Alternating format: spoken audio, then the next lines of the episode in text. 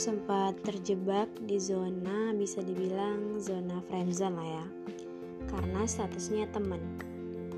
Sebenarnya nggak ada yang salah sih dari status teman untuk menyukai teman.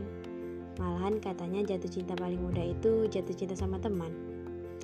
Jadi kemarin sempat ada teman yang memperlakukan aku seperti sedang mewakilkan perasaannya awalnya aku sama sekali gak berpikir kalau semua perlakuan itu semua tutur chat dia itu bagian dari perasaannya. Kami berteman udah lama dan kami juga satu perumahan bahkan kayak udah makanan sehari-hari untuk jumpa ngumpul bareng gitu. Aku nggak tahu ya tapi ya mungkin aku yang memulai semuanya. Walaupun sebenarnya itu real perlakuanku sebagai teman ke dia tapi mungkin karena dia orang yang katanya nggak pernah chat sama cewek sesering itu selain ibunya dan jarang terdengar dia jatuh cinta. Bahkan kalau aku pribadi sih nggak pernah dengar sama sekali. Dan di situ aku sempet punya feeling kalau dia suka sama aku. Tapi dia nggak pernah bilang atas rasa sukanya itu. Tapi aku juga nggak terlalu bodoh kalau cuma untuk memahami perasaan orang. Sampai ada waktu di mana aku bilang ke temen aku, kalau nanti aku deket sama cowok atau ngepost sama cowok atau apa pun yang bersangkutan sama cowok lain dia nggak boleh marah. Kenapa? Kata temanku gitu. Iya karena dia nggak pernah bilang dia suka sama aku. Jadi aku ngerasa nggak ada perasaan yang harus aku jaga juga gitu. Ada beberapa bulan yang kami tuh intens banget untuk berkabar. Teleponan keluar berdua. Aku tahu perasaan dia aku tahu mungkin dia suka jadi aku mencoba mencari kepastian di diri aku. Kayak sebenarnya aku juga suka gak sih? Sebenarnya aku juga mau gak sih gitu.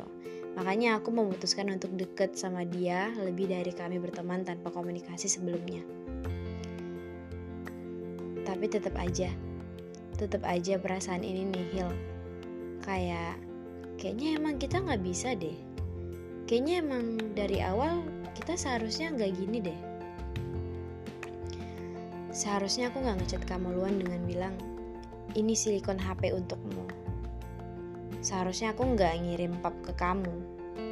Seharusnya aku gak perlu ngabar-ngabari kamu waktu mau pergi.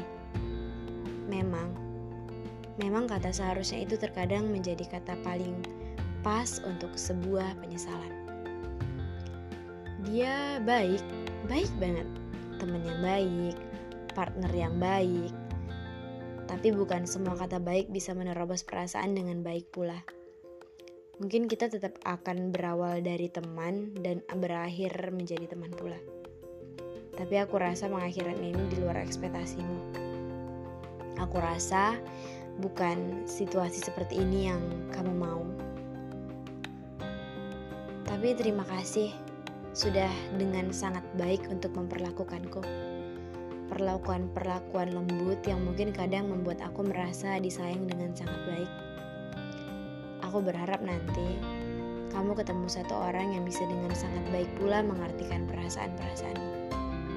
Tidak sekarang, tapi nanti. Tidak usah terlalu berburu-buru. Karena terkadang sesuatu yang cepat datang tidak selalu memberi kesan lama pula. Maaf Maaf kalau selama perjalananmu ternyata aku bukan orang terbaikmu. Tapi aku akan tetap menjadi teman yang bisa kau cari ketika semua sedang menghilang. thank you